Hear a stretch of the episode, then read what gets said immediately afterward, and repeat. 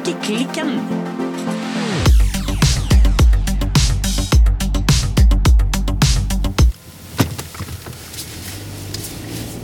Hallo, Birte. Hallo, Silje. Nå er vi på vei til Oleanna, som ligger eh, i Arna, rett utenfor Bergen. Ja, vi skal eh, besøke Oleana. De holder til i en gammel eh, fabrikk. Og så merker vi vi er jo veldig nysgjerrig på Oleana. Hvem er de? Hva gjør de på? Derfor skal vi dit og ha både en omvisning og en samtale med daglig leder for Oleana, Gerda Sørhus Fuglerud.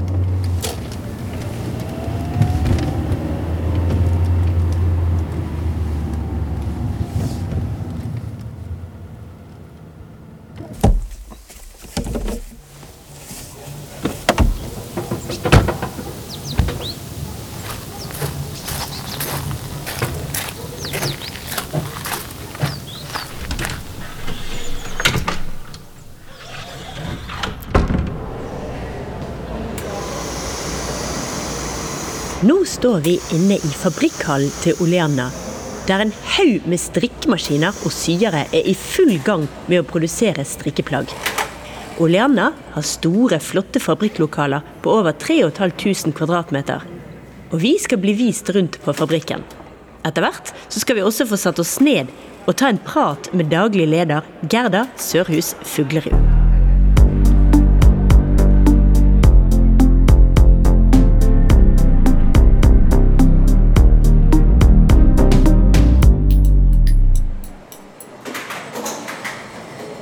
Har vi rigga oss til her på Oleana i Arna.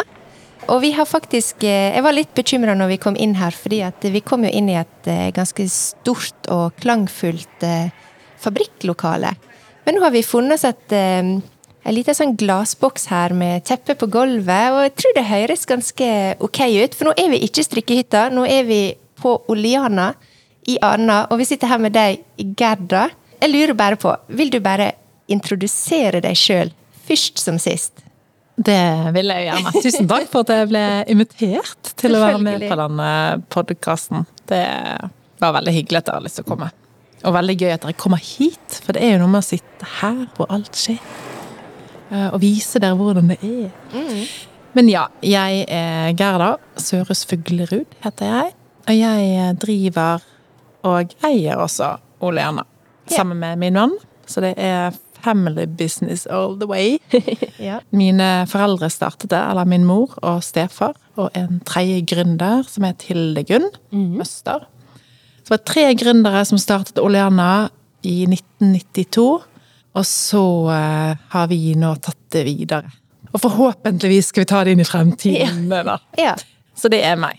Jeg får, får litt sånn dårlig samvittighet av å spørre, da, fordi at Birte og meg kjenner godt til Oleana. Altså, Det har jo vært der lenge, og vi er fra Bergen. Men vi har jo lyttere fra hele landet. Så hvis vi tar det helt fra begynnelsen av, hva er Oleana for noe? Og det er jo så gøy og godt spørsmål.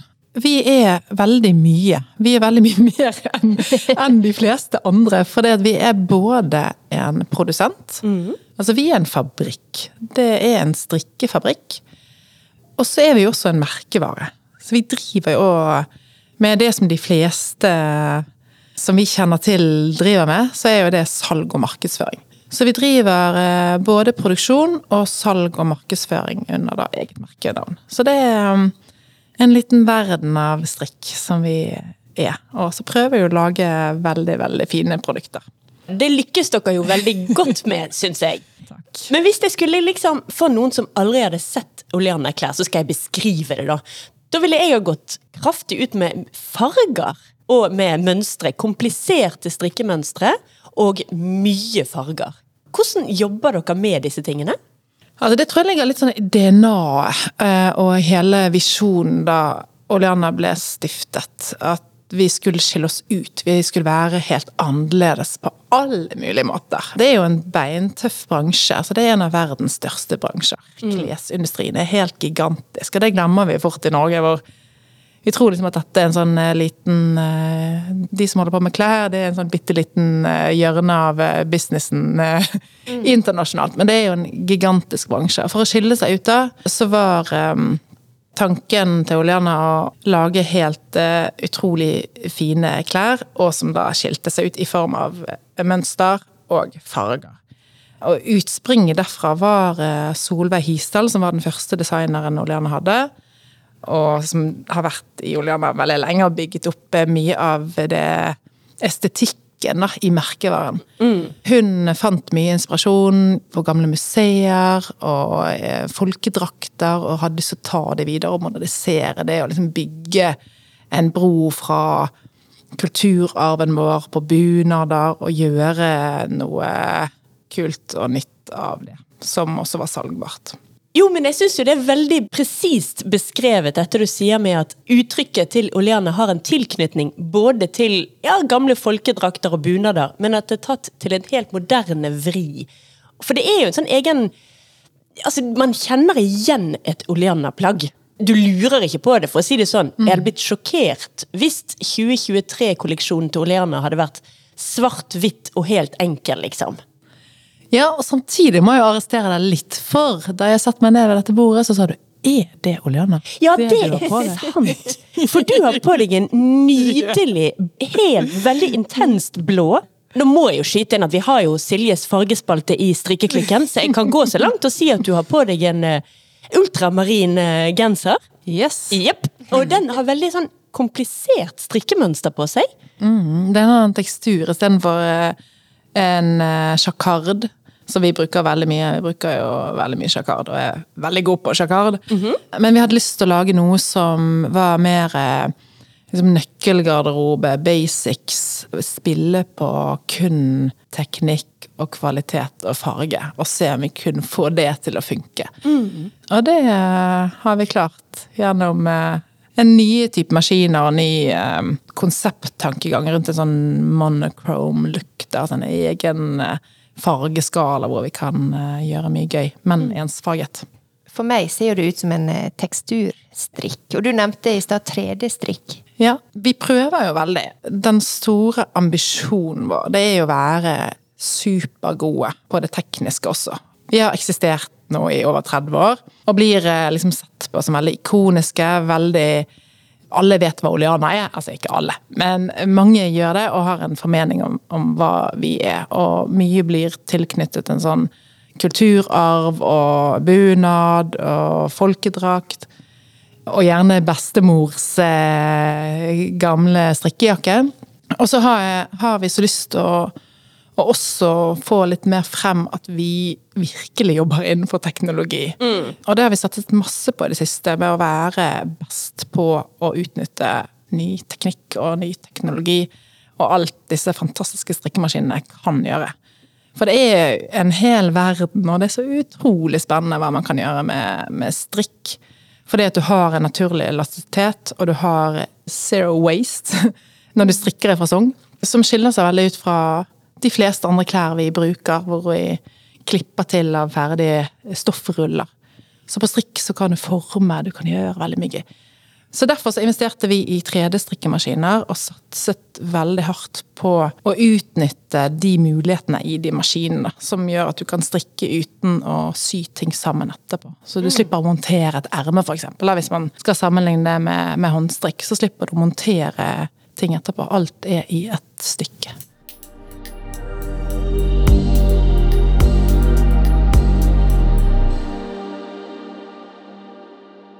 Jeg vil hoppe litt tilbake igjen. For at, eh, før vi kom eh, ut hit til Arna, det er jo en sånn ca. 15 minutts eh, kjøretur fra Bergen, så måtte jo vi sjekke litt. Og jeg må innrømme at vi trodde faktisk at Oleana kanskje var litt eldre. Altså etablert i 1992. Altså Fabrikken her som dere holder til i, det er en gammel fabrikk. Ja, det er veldig mange som tror at vi er litt eldre, og det syns jeg egentlig er et kompliment. Mm. For det mm, jeg tror vi blir sett på som en sånn eh, grunnlegger av en eh, ny type strikketradisjon i mm. Norge. Men ja, vi er på historisk grunn. En, vi holder nå til her i Ytre Arna, hvor hele industrialismen på Vestlandet startet. Tilbake til 1846. Det er veldig lenge siden. Og før biler. Eh, alt kom sjøveien. Det var før elektrisitet. Altså det er virkelig gamle, gamle, gamle dager.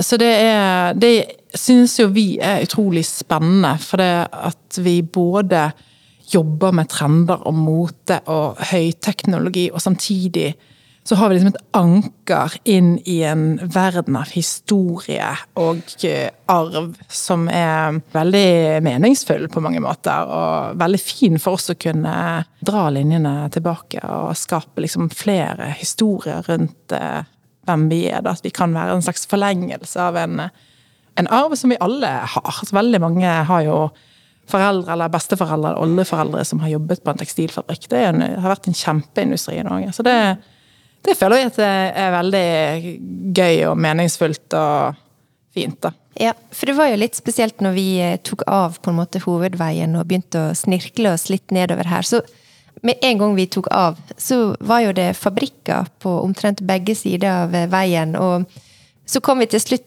ned til sjøen, og her eh, lå Oleana. For den ligger jo da inntil det som var fortidens eh, hovedvei, nemlig fjorden. Ja. Så den ligger jo helt inntil hovedveien sånn det var. Men spesielt å se liksom hvor tett i tett i tett med, med fabrikker og industrilokaler som ligger her på denne her lille strekninga oppe fra hovedveien og ned hit. Men har dere holdt til her hele tida, altså og produsert eh, i disse lokalene? Nei, det har vi ikke. Da Oleana startet, så eh, begynte det jo veldig i det små. Sånn som alle som starter, begynner å bygges opp sakte, men sikkert. Så starten var i leide lokaler hos Janus i fjerde etasje der. En liten del av fjerde etasjen i Janus-fabrikken, som ligger Den ligger bare et kvarter unna. Så det var der det startet. Og da dette generasjonsskiftet liksom begynte å komme inn i tankene til eh, mange av oss, så var eh, det store temaet å, å flytte fabrikken, for vi trengte mer plass. Og så hadde vi så utrolig lyst til å liksom få vår egen fabrikk. Det var en sånn stor drøm, og vi så veldig potensialet også. Og liksom egentlig litt eh, mening i det å kunne ha en åpen fabrikk som folk kunne besøke. Og gjøre, altså prøve å skape en destinasjon. Drive med det høres kanskje litt sånn ambisiøst ut, men sånn kunnskapsformidling. da, liksom Kunne vise folk at eh, sånn er det man produserer klær. Og at det var eh, veldig gøy å ha et eget hus. Så da sto denne fabrikken helt eh, nedslitt, forferdelig stand. Og vi gikk da løs på prosjektet og pusse opp hele fabrikken, noe vi aldri ville gjort. helt forferdelig! Vi holdt på å slite oss helt ut, men eh, nå er vi jo glad for at vi gjorde det, da. Men Ja. når skjedde dette? Når flyttet dere inn i dette fabrikklokalet? Det er ti år siden. Ja. Ja. Når, eh, altså vi hører jo dette er familiebedrift eh, som ble starta av din mor. Når tok du og, og din mann over? Vi tok over, eller vi begynte å jobbe i 2011. Så vi, jeg tok en, en utdannelse, en spesialutdannelse i Italia som handler mye om design management og luxury management. Og så da flyttet vi rett fra Milano via Oslo, solgte leiligheten der, og til Bergen i en rein høst med 100 dager regn. Så, du- og angrer ikke dere i det hele tatt på valget? Det er deilig. Du fikk litt hard landing tilbake i Bergen. da. Ja, vi var eh, litt usikker på om vi har malt rett, Ja. i tillegg å pusse opp en nedslitt fabrikk. Så det var en Jeg føler at vi gikk all in. Ja, Mm. ja.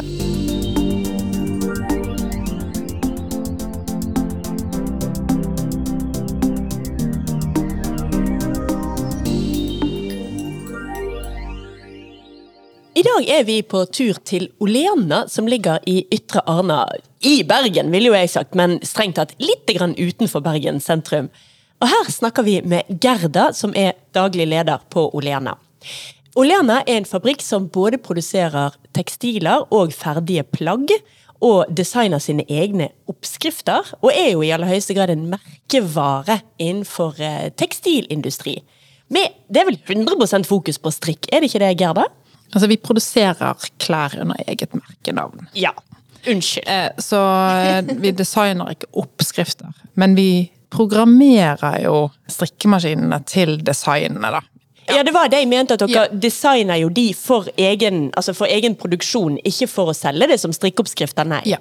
Men det er kun strikkete klær dere produserer, sant? Så dere er på 100 strikkete ting?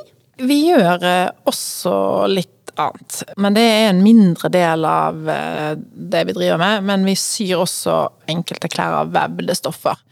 Så vi har eh, et samarbeid med Røros Tweed, hvor vi lager pleddkåper.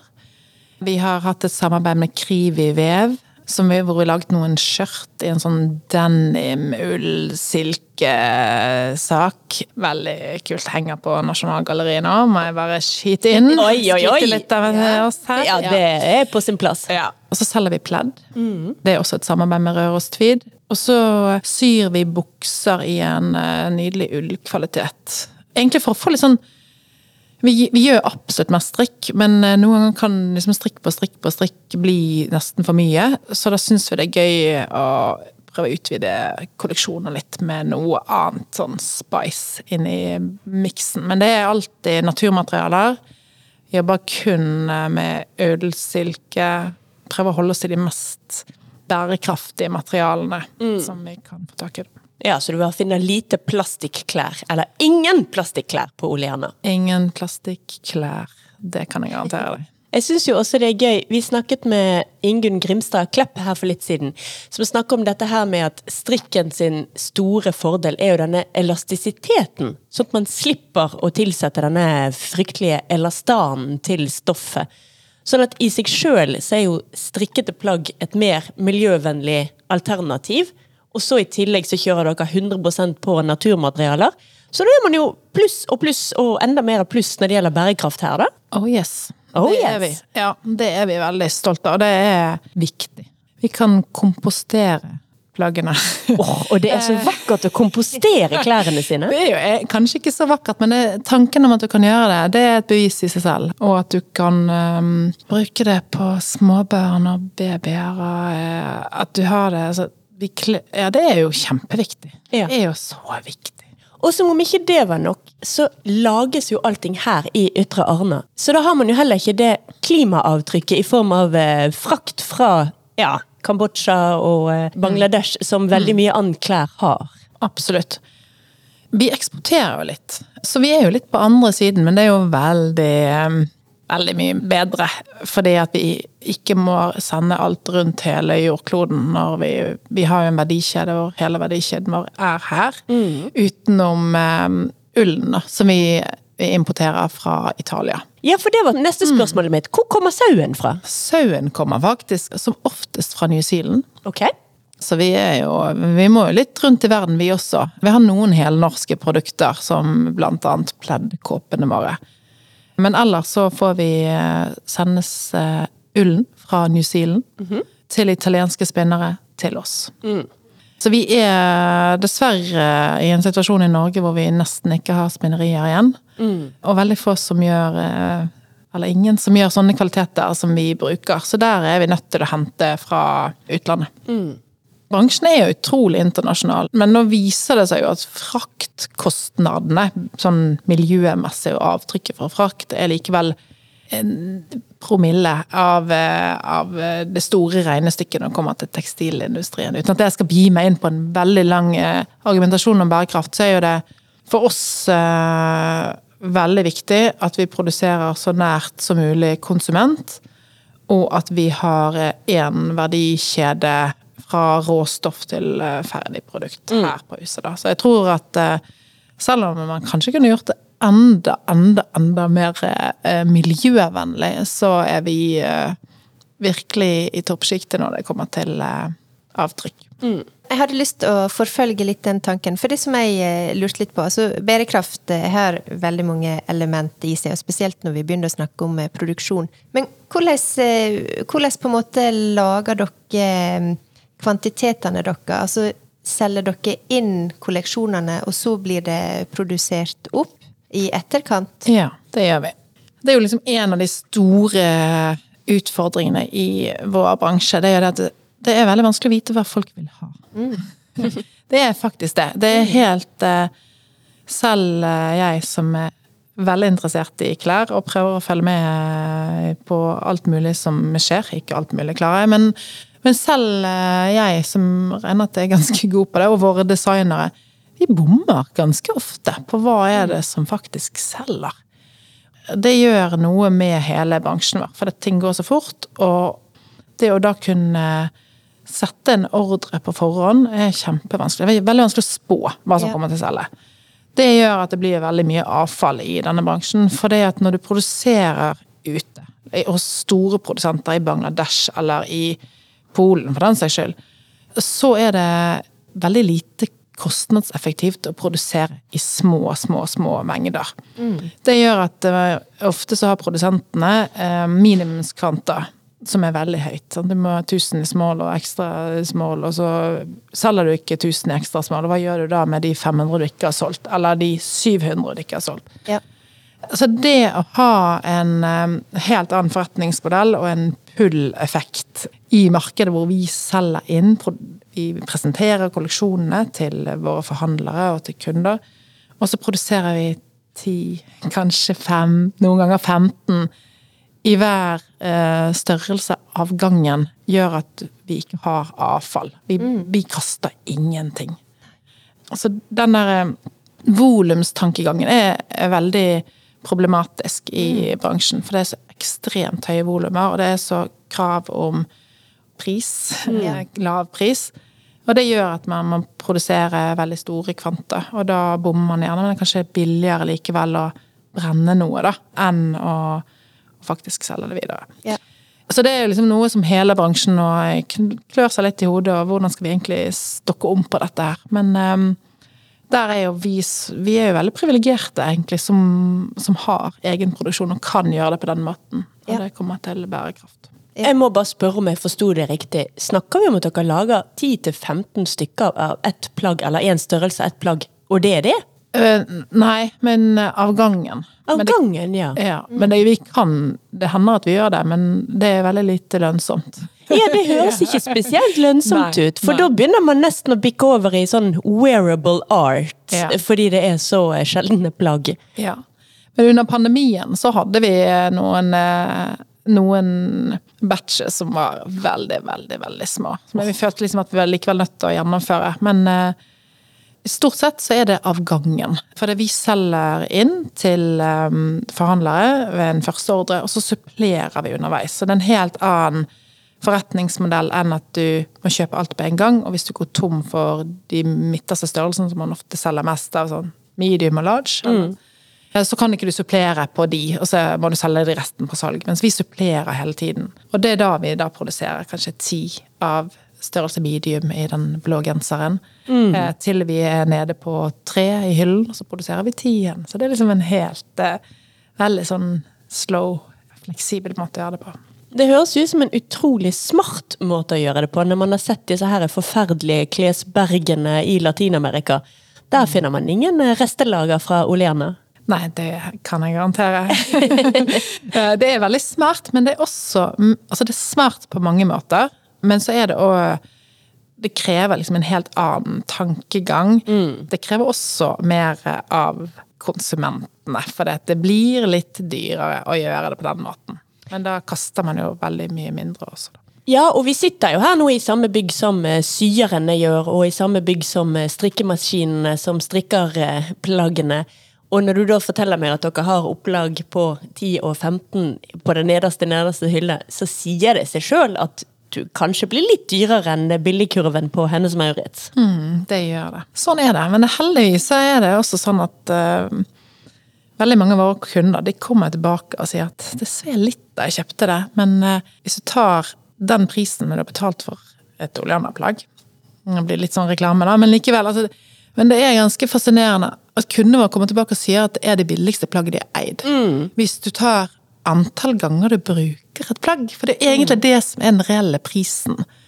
Ofte så tenker vi på pris som en engangsting, hvor det spiller ikke noen rolle hva som skjer med plagg etterpå. Men den egentlige prisen, det er jo antall ganger man bruker et plagg. Delt eh, Og deler, altså deler prisen på antall ganger man bruker det. Da får du den reelle prisen. Mm. Altså pris per bruksgang. Det er litt mer som en kan se for, for seg at man leier av seg selv. Da får du den reelle prisen. Og da er det er jo det som kanskje er verdien av nå. Absolutt. Og så er det jo selvfølgelig en verdi også at man vet at eh, nå var jo vi her på systuen din, og det så nå ut som de var godt behandlet! Jeg så ingen triste barnearbeidere. Det var ikke noe Oliver Twist-tilstander på din systue. Nei, det er det ikke. Og det er jo en verdi, det også, å gå med plagg man vet at det faktisk er glade mennesker som har eh, sydd. Ja, det er det. Og det er jo òg veldig lett for at bærekraftstankegangen handler kun om eh, miljø. Mm. Men det er jo veldig mye mer enn CO2 som går inn i en bærekraftstankegang. Og det at vi um, prøver å holde liv i denne bransjen, og mm. at vi behandler folk bra, da, det prøver vi veldig på. Det er kjempeviktig. Mm.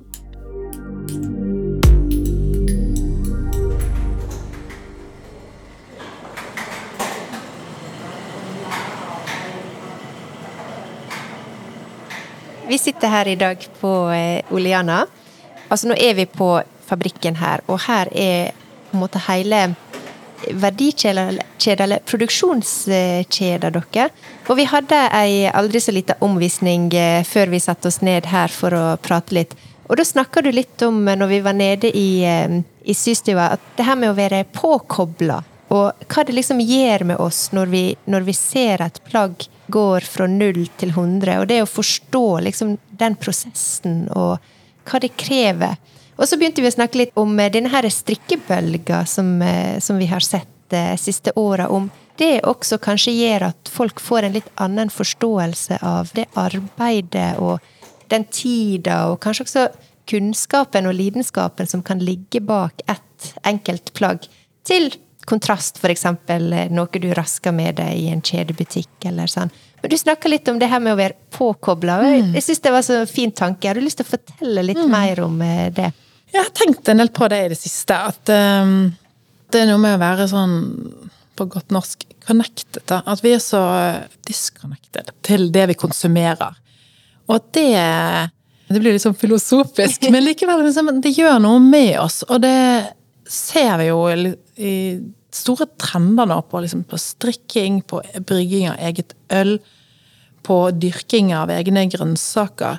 Det er ganske mange, liksom litt sånn påfallende mange trender og interesser som går i det området. Som ikke var da jeg var liten. Var det superdølt å sitte med et strikketøy eller å drive dyrke noe i egen hage. Det var liksom helt oldtids. Mens nå er det superhipt. Mm. Og hvorfor er det det? Det tror jeg handler veldig mye om at det gir en eller annen sånn eh, Det er liksom noe å stå på, da. At du vet hvor ting kommer fra. At man eh, skjønner eh, sammenhengene. At det er kanskje viktigere enn vi tror. Og jeg følte veldig det da, da jeg etter å ha jobbet i andre jobber før jeg begynte i Oleana, så er det liksom noe med det derre alt skjer her. Du kan snakke med de som har sydd på den halsen eller den merkelappen, og vi kan endre litt på det. Det er liksom en samhold Det er et eller annet sånn litt fint i det, og noe som jeg Jeg tror det er derfor mange holder på med sånt nå. Mm. Og liksom begynner å sy sine egne klær. Jeg ser min datter på syv år har lyst til å liksom finne ut av å gjøre ting med hendene sine. Altså, det ligger liksom litt i oss, så vi kanskje har litt glemt det derre å skape noe. Mm. Og også at man skjønner at noen andre Hvem er det som har, eh, står bak det man har kjøpt? At det liksom er hyggeligere å gå til slakteren og kjøpe kjøtt enn å kjøpe det plastpakket. Altså, det er jo en klisjé, men jeg tror faktisk at det er noe i det. Og jeg føler at det er veldig mange av de som kommer inn på fabrikken her Nå er det en helt åpen fabrikk, hvem som helst kan eh, vandre inn dørene, inn i produksjonen, snakke med de som jobber her. At det er ganske mange som sier at det er sånn, litt sånn godt å være her. Og jeg mm. tror det handler litt om det der. Jo, men å forstå hvor, hvor ting kommer fra. Jeg tenker at det gjør jo også noe med forståelsen av oss, og oss som samfunn, og oss som konsumenter. For vi er jo blitt kanskje degradert i stor grad til å bli også bare litt sånn sluttkonsumenter, da, og der mm. vi ikke ser hele. Og det gjør noe med betalingsvilligheten kanskje også.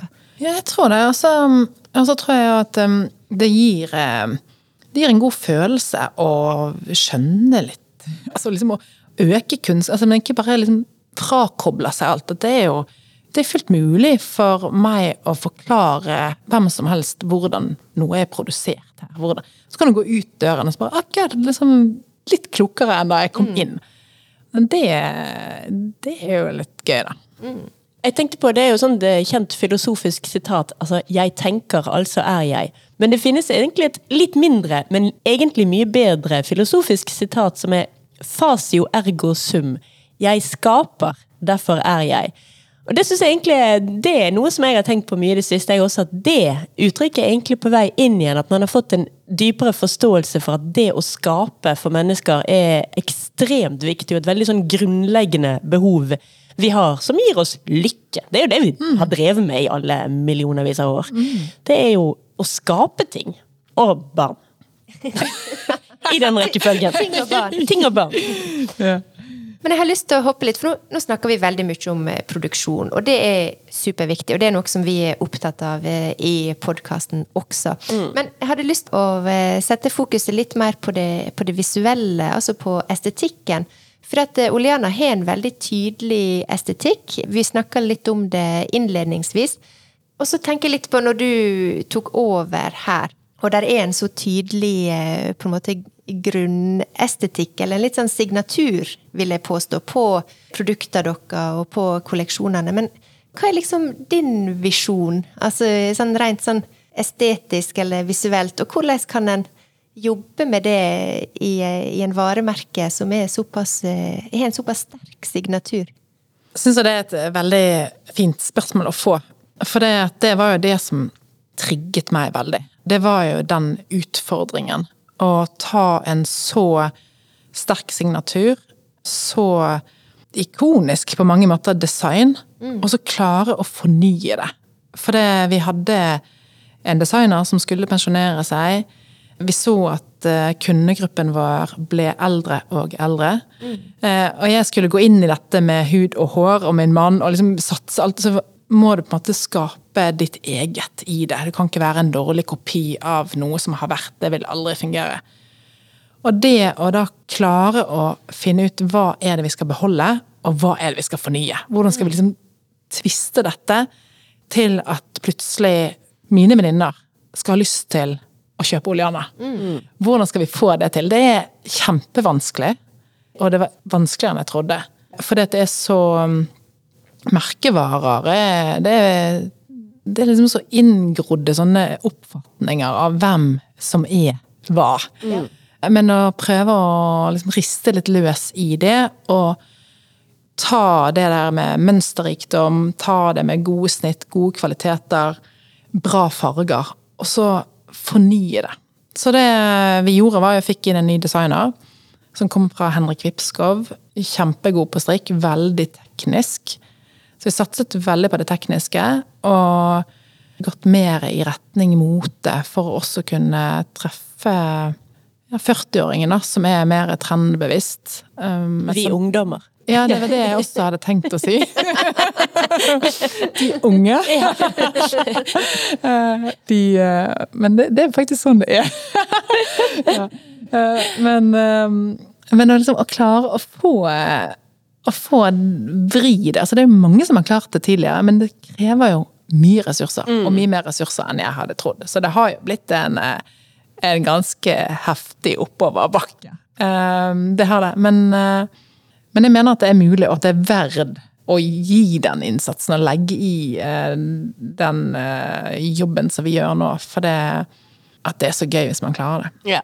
Og da kan jeg bare si for deg, for å drive reklame for deg, at det miniskjørtet du har på deg nå, og den blå genseren, det er helt klart noe for oss ungdommer på noen og 40. Det var utrolig fint, altså.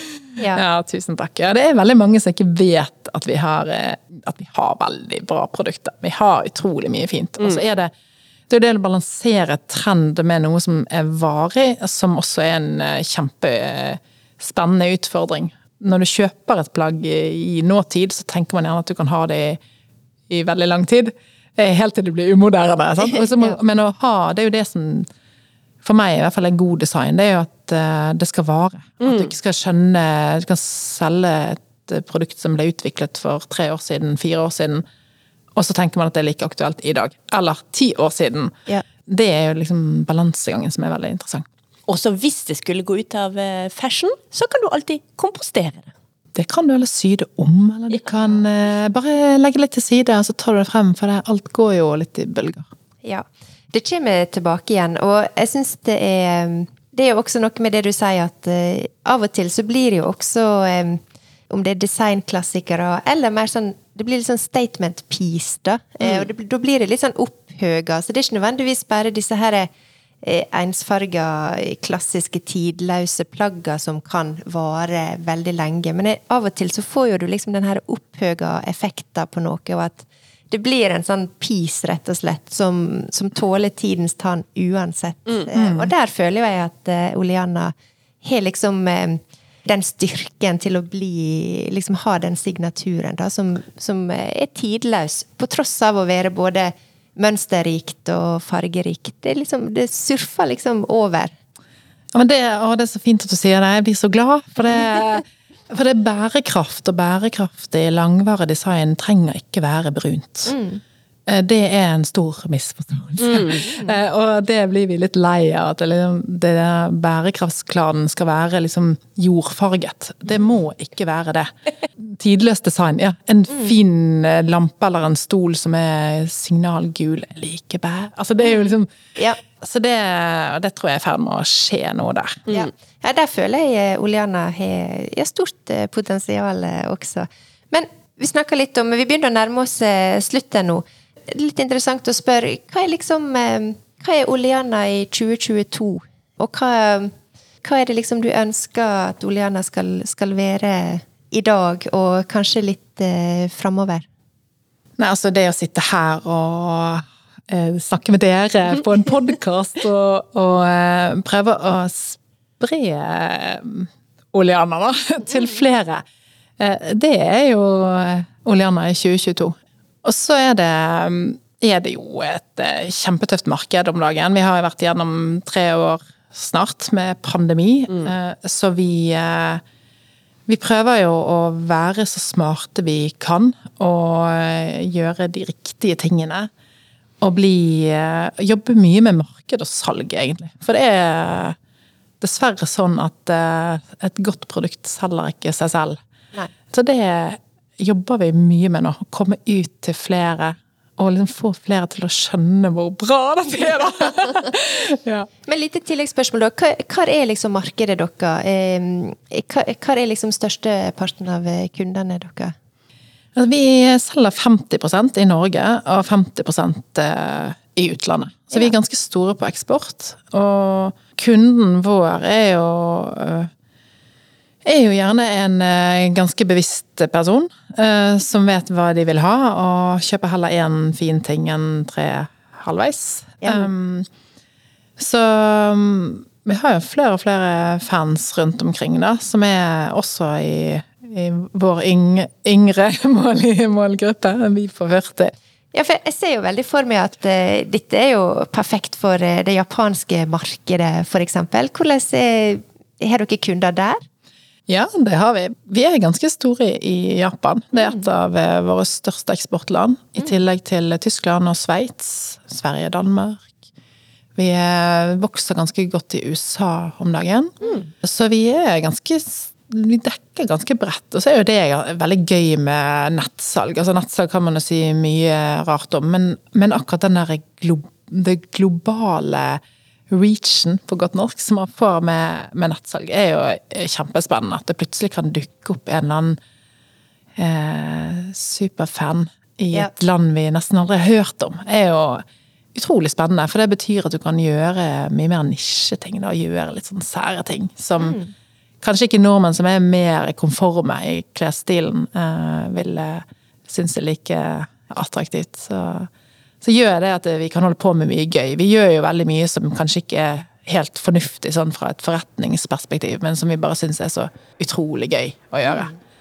Men eh, med såpass eh, tøffe tider som vi har hatt i det siste, så må vi jo tenke enda litt mer med hodet, da. Og prøve å gjøre smarte valg for å holde det bærekraftig på alle sett, også økonomisk. Ja.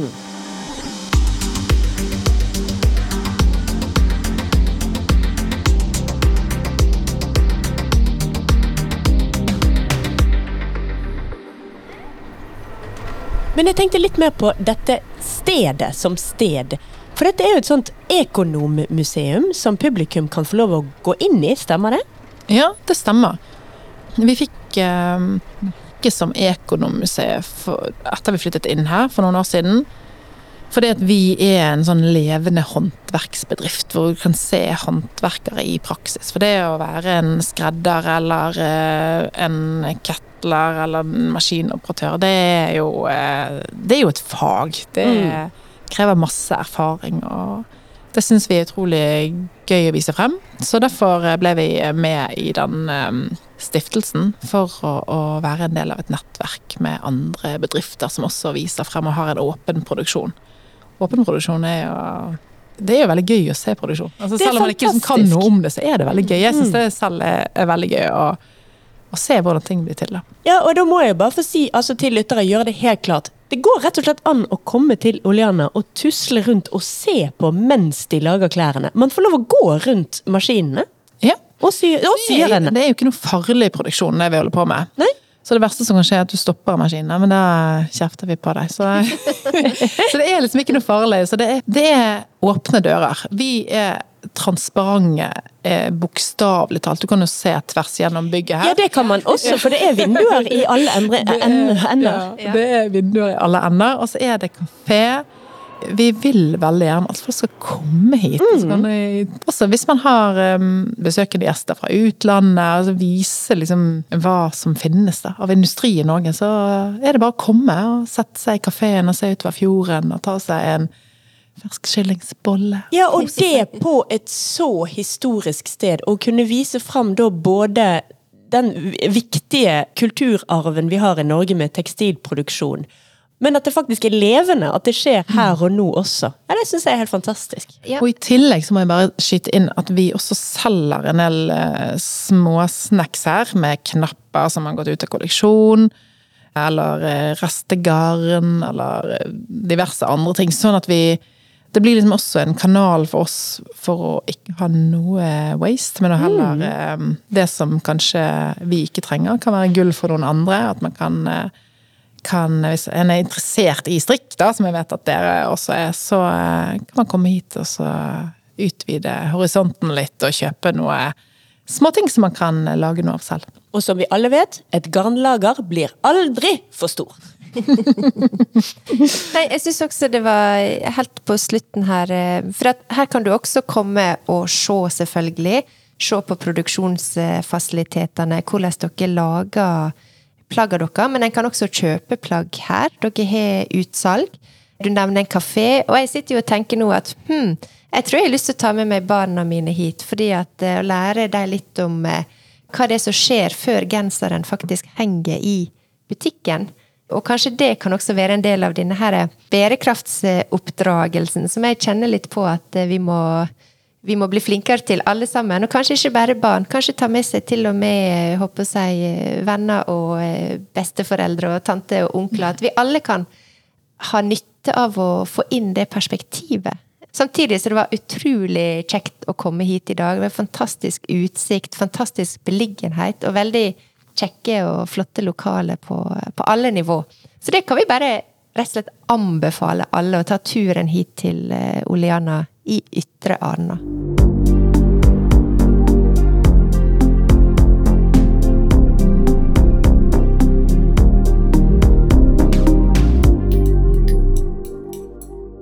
Men da, Gerda, da må jeg bare få si tusen takk for at vi fikk lov til å komme til eh, Oleana i Ytre Arna. Og både få se på de fantastiske lokalene deres, og ikke minst produktene. Jeg gleder meg stort til å sende denne her eh, episoden her, og liksom dele den gleden over Oleana med lytterne våre. Å, så fint. Takk. Takk for at dere kom.